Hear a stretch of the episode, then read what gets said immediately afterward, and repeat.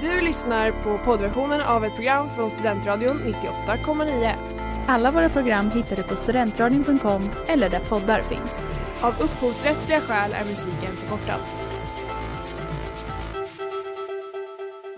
Sverige. Så säger man en sak innan valet, så säger man en sak också efter valet. Fler som dör av kyla i världen än, än av värme. Förresten, vad, vad, vad, hjälp. Vad, vad, är det för dag idag?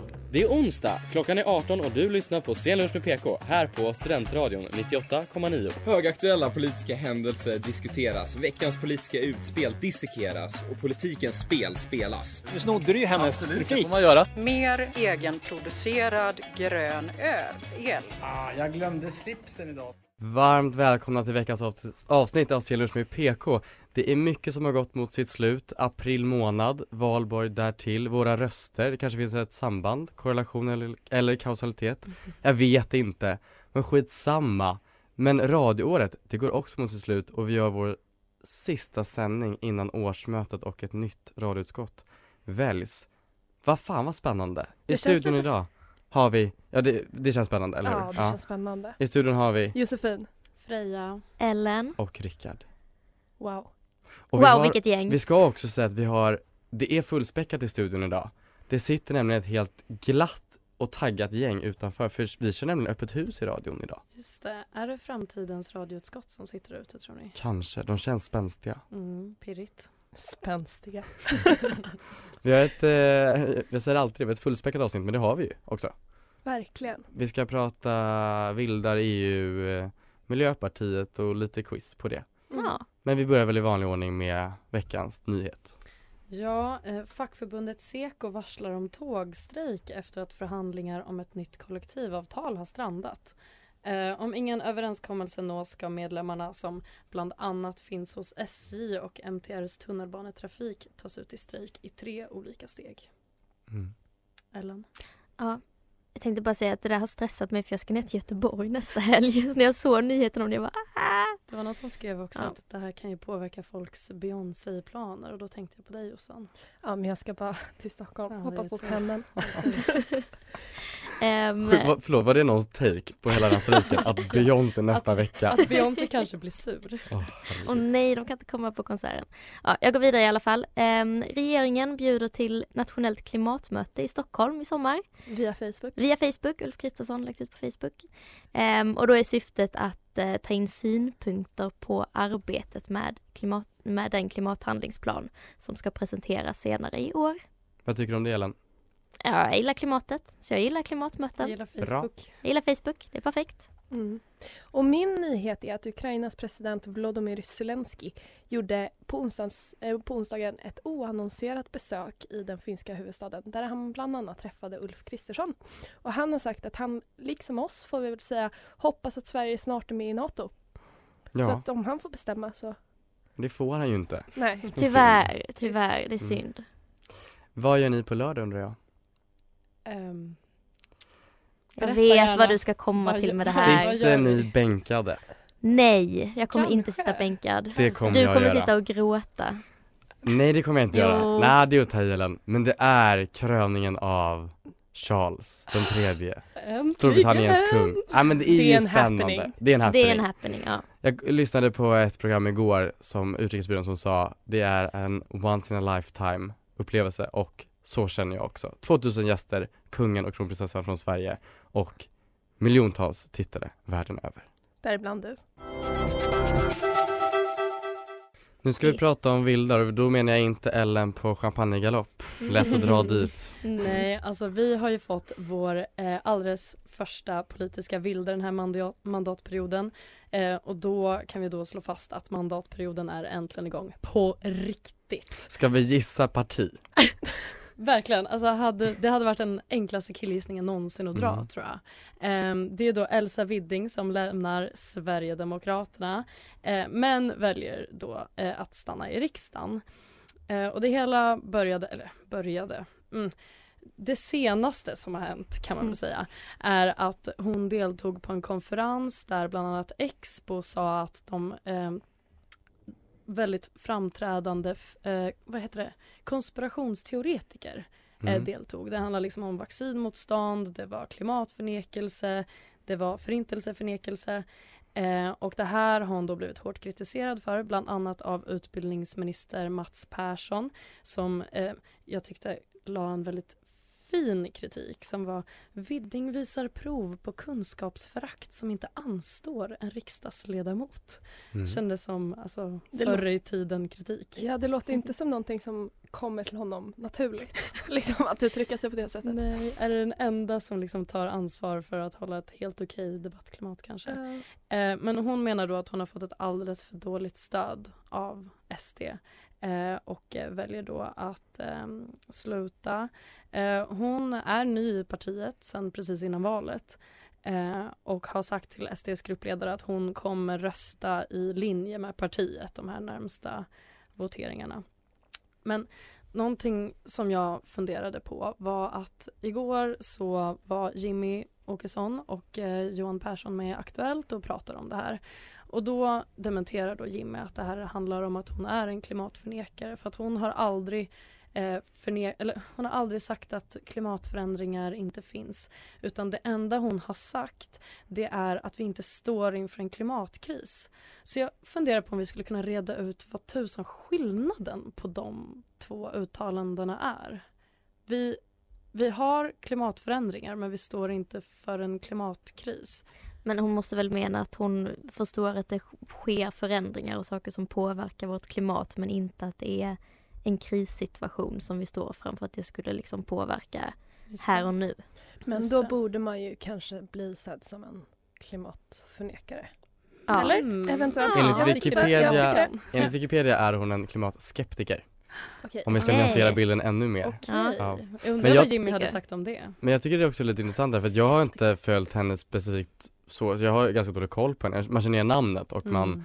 man har sett det som Dyngbaggegalan lägger ut, typ. Mm. Och i vanlig ordning blir jag då så här, aha okej men vad innebär det egentligen och vad, vad står de för? För det, det är lätt också att avfärda någon som bara som obegåvad och, och det, så skulle det kunna vara. Mm. Eh, men det är en eh, högutbildad person också.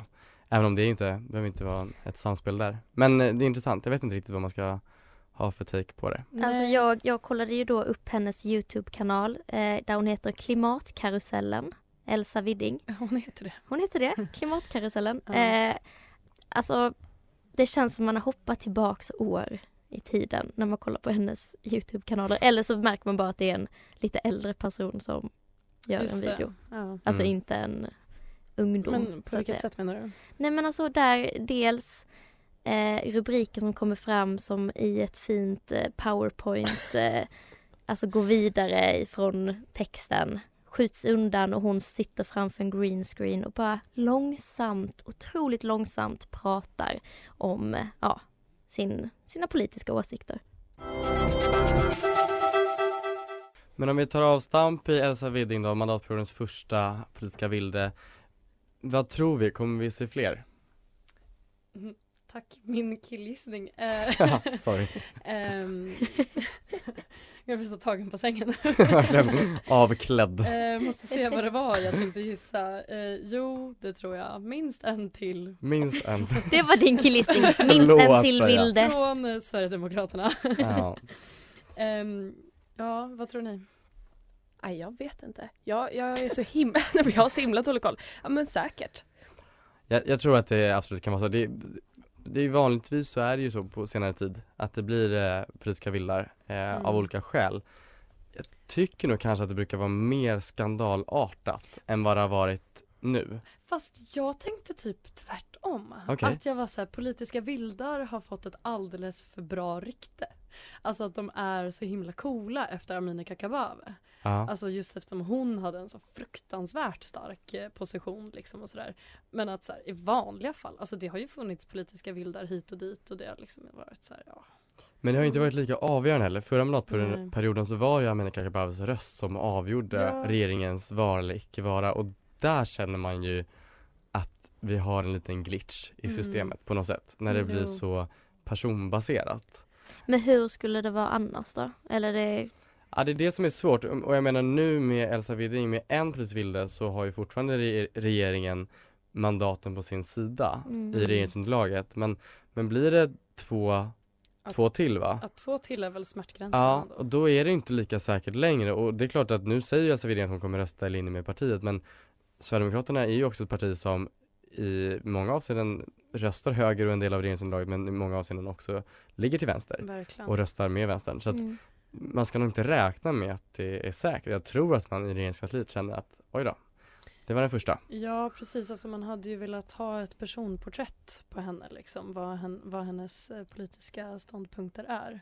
Men å andra sidan, tänk det är så många frågor att ta ställning till också då. Alltså hur mycket kommer hon orka röra om i grytan? Hon kanske rör om i grytan på de punkter som verkligen spelar roll. Men jag tror mer principiellt så tror jag att det, det är ändå Det väcker ändå frågor så här, ska Ska politiska viljan ha det inflytande? För att partierna vill ju att när de lämnar, när riksdagsledamöter lämnar partiet och därmed blir politiska vildar, för det är det som en Mm. politisk vilda är, att man inte Mm. är kvar i partiet men man är kvar som ledamot. Så vill ju alla partier ge uttryck för att då tycker de att man ska lämna riksdagen. Mm. Och lämna ge plats för en annan eh, politiker från det partiet. Från det partiet, precis. Mm. Men, men så sker ju inte. Och det där är svårt tänker jag, för är man en kandidat som är inkryssad på liksom eget mandat, att man är en sån liksom frontfigur, då har man ju också politiska frågor som man driver och, Mm. man vill ha genomslag för. Men jag tänker å andra hållet när det liksom var, när, när Jimmy Åkessons svärmor blev politisk vilde, hon var ju inte en, en profilerad sverigedemokrat på det sättet. Hon liksom kom ju in verkligen på, på skeppet Sverigedemokraterna. Och sen hoppade av. Ja. Och där, så på så sätt så blir det lite annat läge men i praktiken så är det ju samma läge. Ja. Nej, men jag, jag bara tänkte, eller jag kände mig lite dåligt påläst, men vad var motiveringen till att hon gick ifrån partiet? Ehm, det var just för att hon inte fick eh, något stöd efter den här kritikstormen. Eh, eller hon har varit väldigt hårt ansatt under Mm. hela den här mandatperioden. Alltså just för att hon är klimatskeptiker. Mm. Eh, och hon menar då att SD har, det har liksom varit knäpptyst. De har inte brytt sig om att gå ut till hennes försvar för fem öre. Vilket hon har tyckt har varit väldigt dåligt. Och det verkar vara någonting som politiska vilda genomgående lyfter att det är just den här avsaknaden av uppbackning som gör att man känner sig distanserad och alienerad från partiet och, och att man därför gärna kliver ur, eller gärna, men att man kliver ur och kör sin egen grej helt enkelt. Jag har hört att Jimmy Åkesson har skrivit en debattartikel i Aftonbladet. Vad handlade det om egentligen? Det stämmer. Eller var det Aftonbladet? Ja det kanske var. Ja. Den eh, handlar om att han, han problematiserar EU, eh, han problematiserar EU kan man väl säga. Sen blev taken i media blev eh, SD ifrågasätter EU-medlemskapet. Så tolkade inte jag det när jag läste den debattartikeln. Ehm, Har ni läst den? Nej. Nej. jag har läst den. Jag skummar igenom den snabbt. Mm. Kul att jag frågade. Ja, verkligen. Mm, jag vet exakt fråga. vad jag frågar om. För där, den bild som jag har av den debattartikeln är att han problematiserar just att den, den problematik som ju inte är, den är inte okänd egentligen. Det här med att EU är ganska långt bort och Mm. mycket lagstiftning eh, tas i EU, kommer från EU och påverkar Sverige och svenska intressen. Och liksom var balansen ska gå. Och jag tänker att jag tänker i alla fall att det finns värden i det som lyfts fram där utan att man blir liksom oj, inte ett svexigt. Nej. Ehm, Som Johan Persson sa. Ja, för det var ju det responsen blev från eh, riksdagens mest liberala EU-vänliga eh, parti Liberalerna att Mm. eh, vi ska vara kvar med full kraft och gärna mer därtill. Men det är väl olika saker egentligen. Jag tycker vi, vi pratar inte så mycket heller om vad EU-medlemskapet kostar. Eh, och, och kanske inte heller hur mycket som det ger. Nej, alltså för att jag tänkte på det att eh, någonting som Jimmy skrev i den här artikeln var att, eller Jimmys ord, eh, 60% av alla beslut i svenska kommuner och regioner påverkas av EU-beslut. Mm. Alltså, Det är ju brutalt. Mm. Och det är ju också någonting som kommer upp väldigt mycket också så här när man pratar alltså, med kompisar eller främst då kanske vuxna människor som faktiskt påverkas av sådana här saker. Mm. Eh, men som liksom är irriterade över att ja men nu är det här ett EU-beslut och liksom många politiker i kommuner och regioner skyller på EU att det är ett EU-beslut så vi kan inte göra någonting åt det. Eh, det, det. Jag håller med dig, alltså att det absolut finns någonting att ta i där som man kanske förlorar på att inte möta Jimmy i och bara vara så här, som, för att, förlåt men Johan Perssons svar på det här var ju liksom obe- eller svårbegripligt eh, att eh, vilja ge sig in i det där efter Brexit-röran. vi borde snarare fundera över att gå med i euron. Eller vi borde Mm. snarare gå in i euron. Mm. Alltså verkligen att möta möten Det är olika kraft åt frågor. andra hållet. Ja. Liksom. Ja, men det känns ju också som att EU-frågan blir väldigt mycket en fråga om EUs vara eller icke vara och inte så Mm. mycket om att nyansera medlemskapet som du säger. Alltså det är ju en extremt viktig union i alltså, den mest krigsdrabbade världsdelen i världen har vi ju fått fred egentligen på grund av den unionen om man ska se det från det perspektivet. Så det är ju en jätteviktig grej. Eh, men sen så såklart att folk kan sätta sig emot att det blir så himla Brysselcentrerat all politik som kommer och så. Men eh, Men det är ju Ja. samma onyansering som vi ser kring NATO-debatten. Som jag Ja. tänker nu, nu finns det en sån konsensus om att vi ska med. Kan vi inte också prata då om vad, vad får det för effekter, kostnader, hur ska den byråkratin se ut? Mm. Det skulle jag vilja höra mer om. Jag är inte emot NATO på något sätt, tvärtom Nej. personligen. Men, men skulle vilja höra mer om den debatten.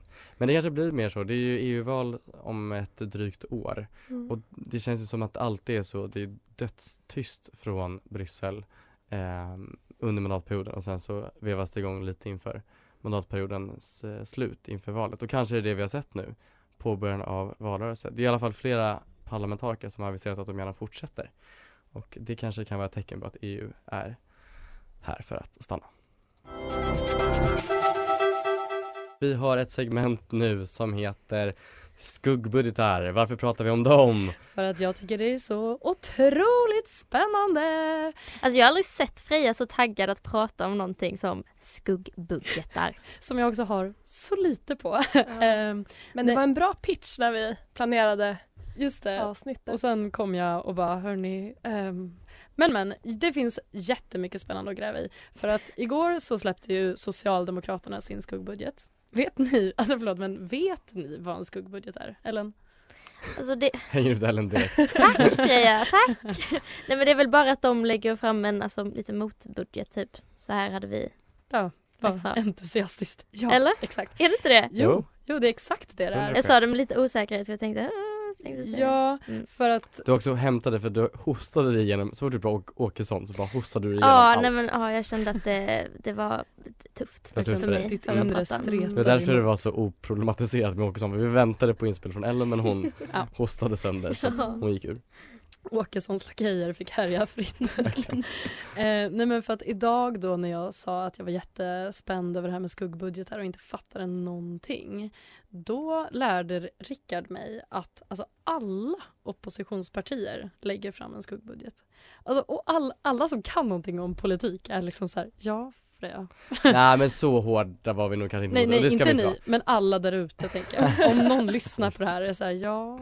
Men det känns som ett så här grupparbete, jag sitter med en komplettering nu i, ett, i en kurs som Mm. jag, en grej som jag eh, var bortrest när det, eller jag var sjuk när det hände eh, Och nu sitter jag, och det är också en sån grej som jag bara, nu gör jag det bara för att det ska vara gjort och ingen kommer titta på det och så Mm. tror jag man ska tänka med skuggbudgetar Ja, okej. Det görs för att det ska göras, ingen bryr sig Jag fattar. Ja, för att eh, som jag förstår det, jag kunde inte hitta någon annan skuggbudget. För jag tänkte att jag skulle jämföra dem lite. Men det verkar inte som att någon annan har släppt dem än. Så sossarna var först på bollen. Kanske inte gör det längre Nej, alltså de kanske har slutat. Eh, men så att som nu när jag liksom har försökt läsa på här om skuggbudgetar, det är ju bara liksom, alltså, opinionsbildande. Det får visa vad hade vi haft för budget om vi hade makten liksom. Mm. Eller om vi var regeringen så hade vi lagt den här Det budgetpropositionen. här missar ni. Verkligen. Men det är också, ah, jag vet inte, då kan man ju säga lite vad som helst. Alltså, det känns ju inte som någonting att ta på så stort allvar tyvärr. Den kritik som vissa partier fått tidigare, kanske de lite mindre partierna som har lite mer eh, eh, enskilda sakfrågor som värderas högt är att skuggbudgetarna inte alltid har gått ihop och det är inte säkert att en, en, en ett regeringsbärandes parti eh, heller har en budget som går ihop men att det har varit en sån kritik att den den är lite ofärdig. Men och kan- att den har skickats ut och också att journalister upptäckt att så här, men här är det ofullständiga meningar, det här är liksom det här är lite havsverk för att man vet att det Ja, går lite precis. under Men kan det inte vara lite så att, att där har ju partierna väldigt stor möjlighet att eh, ja, men pusha för de här eh, bra sakerna som kanske inte egentligen hade varit så himla enkla att genomföra Ja, eller att, att göra om de faktiskt hade suttit vid makten men att det ser bra ut och därför skriver de det nu på mm. en, alltså i skuggbudgeten. Ja, Eller? tydligen nu med sossarna så hade de kritiserat eh, regeringens budget för att de hade så låga statsbidrag till kommuner och regioner. Men de har själva inte haft med alltså, lagt de här pengarna som de tyckte att regeringen skulle göra i sin skuggbudget då. En Så återkommande kritik som jag också tycker är intressant när man pratar budget, när regeringen pre- presenterar sin budgetproposition, är ju alltid att så här, oj, bara så här många miljoner eller miljarder till rättsväsendet eller till polisen. Och då svar, det här känns som att det är ett mönster oavsett vilken regering det är som sitter. Att så här, eh, regeringen som lägger menar att ja men vi kommer satsa under mandatperioden, kommer vi satsa mycket mer pengar än vad som gjort tidigare. Men just i år, i den här budgeten, så är det mindre. För förra året så la vi mycket mer. Medan det parti som kritiserar menar att i år, kolla vad mycket mer pengar vi lägger i år än vad ni lägger i år. Och då, alltså det är en diskrepans med att man, man har olika tidshorisonter. Och det känns som en så här återkommande grej när man presenterar sina olika budgetar, att man tittar på olika saker egentligen. Vet ni vad? Idag, idag är det sista gången. Nej. Jo. Nej, nej, Säg inte nej. så. För Jossans quiz. Nej. För att nästa vecka Är då du kom på Beyoncé? Beyoncé. Just det. Vi får väl se. Ja. Låt oss inte glömma Låt oss Beyoncé-konserten. inte glömma. Ja, nej men så att vi har kommit till ett avslut och jag tycker faktiskt det känns lite sorgligt att det är sista gången vi kör Jossans quiz. Det tycker jag också. Det här ska jag säga Jossan, all cred till dig, för det här tycker jag är vårt absolut bästa segment som vi har återkommande. Nej, det är sant. Jo, det tycker jag. Ja, vad Jag håller med. De har, må ha varit lite långsökta ibland men de är roliga. Men sluta snälla ni är. Vad Mm. glad jag blir. Ja men då så, alltså för en gångs skull så är det faktiskt ett inrikespolitiskt quiz. Tack gode gud. Du skämtar. Ja, nej, men Wow. Vilket jävla avslut. Ja men vi har haft, vi har haft en mängd frågor men det har sällan varit politiskt. Och det är det kanske inte nu heller men det är riksdagens historia. Aha. Och det är ju, det är ju Det är alltid inrikespolitik i alla fall. Fan vilken orättvis tävling. Ja, Alltså, ja. men vi drar igång och eh, som sagt har vi ju lite live-podd så vi har ju några gäster här utanför som eh, De tjoar vinkar och så hejar glatt. och vinkar. Så Ja. att jag förväntar mig att de också svarar på frågorna. Ja, men första frågan då. Vilken av följande riksdagar brukar räknas som den första riktiga riksdagen? Det vet jag. Vänta, säg igen. Förlåt, förlåt, förlåt. förlåt. Eh, Den första riktiga riksdagen. Och då har vi Nyköping 1634. Nej, fuck! Jag bara, det här kommer bli jättelätt för mig som nej, kan nej, räkna. Nej, jag säger, jag säger inte årtalen. Eh. Nyköping, Västerås eller Örebro. Det är tre stycken riksdagar. Okej, jag vet att det är Västerås. Då gissar jag Västerås. Men jag skulle säga Arboga riksdagen. Ja, Men, äh, Men vad säger våra det är många som Det är säger Västerås. alternativ två? Alltså, Och gud, jag- Västerås är rätt. Vad är det? Oj, då jag måste jag sa bara läsa så på för att mer. lura alla. Mm. Vad har vi för Jaha, årtal gjorde då? du? Ja, Jag bara det är- wow, du är så confident. Västerås är 1527, Örebro Så jävla. 1810 och Nyköping 1634. Ja, Jag men- vill ändå hävda Arboga riksdag 1400-tal. Men vi ifrågasätter aldrig Jossan, det ska gudarna veta. Nej, och ehm, det är faktiskt källariksdagen.se Mm. vill jag också säga. Bra. Eh, fram till 1866 hade Sverige en, e- en, en, en ståndsriksdag. Vilka grupper bestod riksdagen av? Adel, präster, borgare och bönder. Adel, borgare, bönder. Kungen, adel, borgare. Första. Ja, Första var första. Vad tror ni där Vad ute? säger våra... Ja, de säger också första. Ja. Och det Ja. var första. Edvin sa som sista. gissat sista. Kungen ska med. Kungen ska med. Prosit. Eh, under Hon frihets... nu. Vad sa du? Ja, kör du. Under frihetstiden började ett partisystem att växa fram. Vad hette de två partierna som då såg dagens ljus? Ska vi säga det unisont? Mm. Ett, två, tre. Hattarna Hattarna och mössorna. Vilken energi. Hattarna. Hattarna och mössorna. Mina påhittade alternativ var riddarna och borgarna och rosorna och nejlikorna. Åh, rosorna och nejlikorna, de var mycket gulliga. Det hade varit Mm. Jättefint. gud. Eh, Okej. ehm, Dagis. okej, ehm, vem var Kerstin Hesselgren? Ja. En, ja, det var en kvinna med kul. En av de första kvinnliga riksdagsledamöterna. Sveriges första kvinnliga talman. Eller Sveriges första kvinnliga minister. Jag... Vad, vad hette hon? Kerstin Hesselgren. Hesselgren. Jag tror nummer ett. Jag vet inte vad det var. Jag tror... Eh, vilka, vänta, säg dem igen. Eh, eh, riksdagsledamot, talman, minister. Alltså kvinnliga första. Ja. Eh, då gissar jag minister. Ja, Nej det var Karin Söder, den första riksdagsledamoten var ju Kerstin Hesselgren. Vad säger vår, eh, Att de gissade på kvinnliga talman. nej. Nej, de Det gissar var. Ingegerd Trödsson. Ja. Nej Mm. men det precis, det var Sveriges första kvinnliga riksdagsledamot. Jajebus. Alltså jag kan väl börja med att be om ursäkt för mitt hostande. Eh, jag ska försöka att det inte ska hända igen. Men Mm. jag eh, kommer direkt gå in på eh, min prata då som handlar om inte mindre än MPs språkrör. För den diskussionen har ju blomstrat upp nu igen. Ehm, och det är i en debattartikel som en, alltså de, de var ett gäng miljöpartister som har då gått och kritiserat just eh, eh, språkrören ehm, och hela den modellen. Mm. Att de är två. Att de är två Mm. stycken språkrör. Mm. Ja. Eh, Känns som De- ett vårtecken. Yes. eh, och jag kan ju börja med att säga att då den här eh, just att ha två eh, språkrör bör, alltså grundade ju sig i att eh, de ville säkerställa ett jämställt ledarskap. Och i den här då debattartikeln så menar de att, eh, att den modellen funkade då när majoriteten av eh, partiledarna var män men nu finns det bättre sätt att eh, bedriva den frågan på. Ehm, ja, vad tycker ni? Vad tycker ni om språkrören? Alltså jag har egentligen ingen, det är ingen fråga jag brinner för. Men jag, förstår, men jag förstår att de kan ställa sig kritiska för det känns som att det är alltid något av språkrören som man inte har koll på. I alla fall jag. Det är alltid något som jag är så här. "Ja, nu känns det som att jag inte vet vem någon av dem är. Men Nej men jag håller med, alltså det är klappkastsystem. Det är skitotydligt för alla. Jo men det är faktiskt. Jag tycker att man Konceptet partiledare, jag tycker det funkar bra. Bort med språkrören, eh, en partiledare. Jag tycker också det blir märkligt att det, för de är ju väldigt tydliga med att det ska vara en man och en kvinna. Mm. Det känns ju eh, väldigt att befästa könsroller, är det inte det?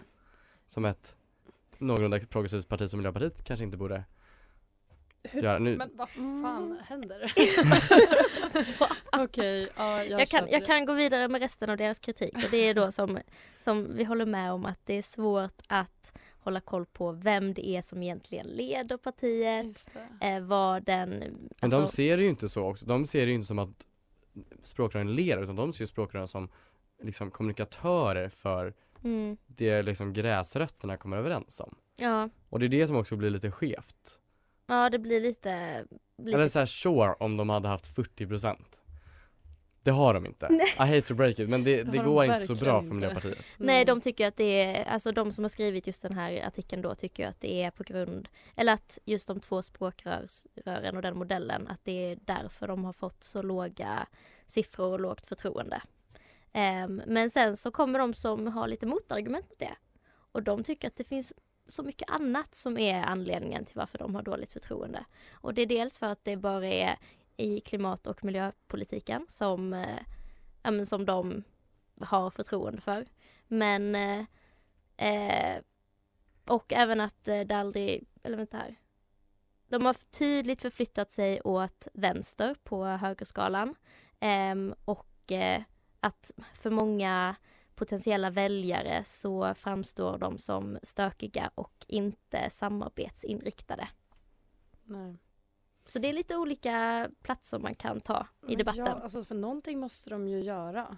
Det gick ju... Bring back Alice Bah Kuhnke som den Som kan- första partiordföranden för Miljöpartiet.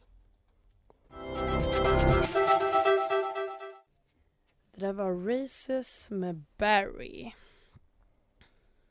ja. Snyggt. så, så himla bra. Det är killgissningar. Yippee! Yay! Din sista. Det är min sista killgissning och det, Mm. känns, det känns sorgligt. Min sista prata. Men vet ni vad? Ära. Vi kanske nästa år blir bjudna att komma tillbaks en gång. Kanske det. Min När vi andra är i. Åre. Kanske. Ja, min killgissning är att vi får komma tillbaks. Nej, är det, är det en gissning? Ja. Alltså du ville verkligen inte gå ut med dunder och brak, men okej. Nej, jag kände det också, men sure. Tack, tack för ditt bidrag. Ellen då? Eh, när vi satt och planerade det här avsnittet så sa jag men jag kör en killgissning på var befinner sig Putin just nu.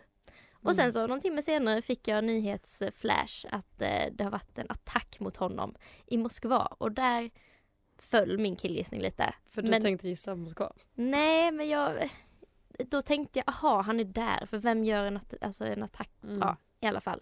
Så min killgissning är nu att han inte var i Moskva. Okej. Men hur ofta brukar du tänka på var Putin är någonstans? Nej men jag, det bara slog mig idag på lunchen. Ja. Jag tycker det är kul hur ni är. säger Putin. Putin. Putin. Säger man Putin? Eller Putin. säger, jag säger Eller- Putin, är det fel?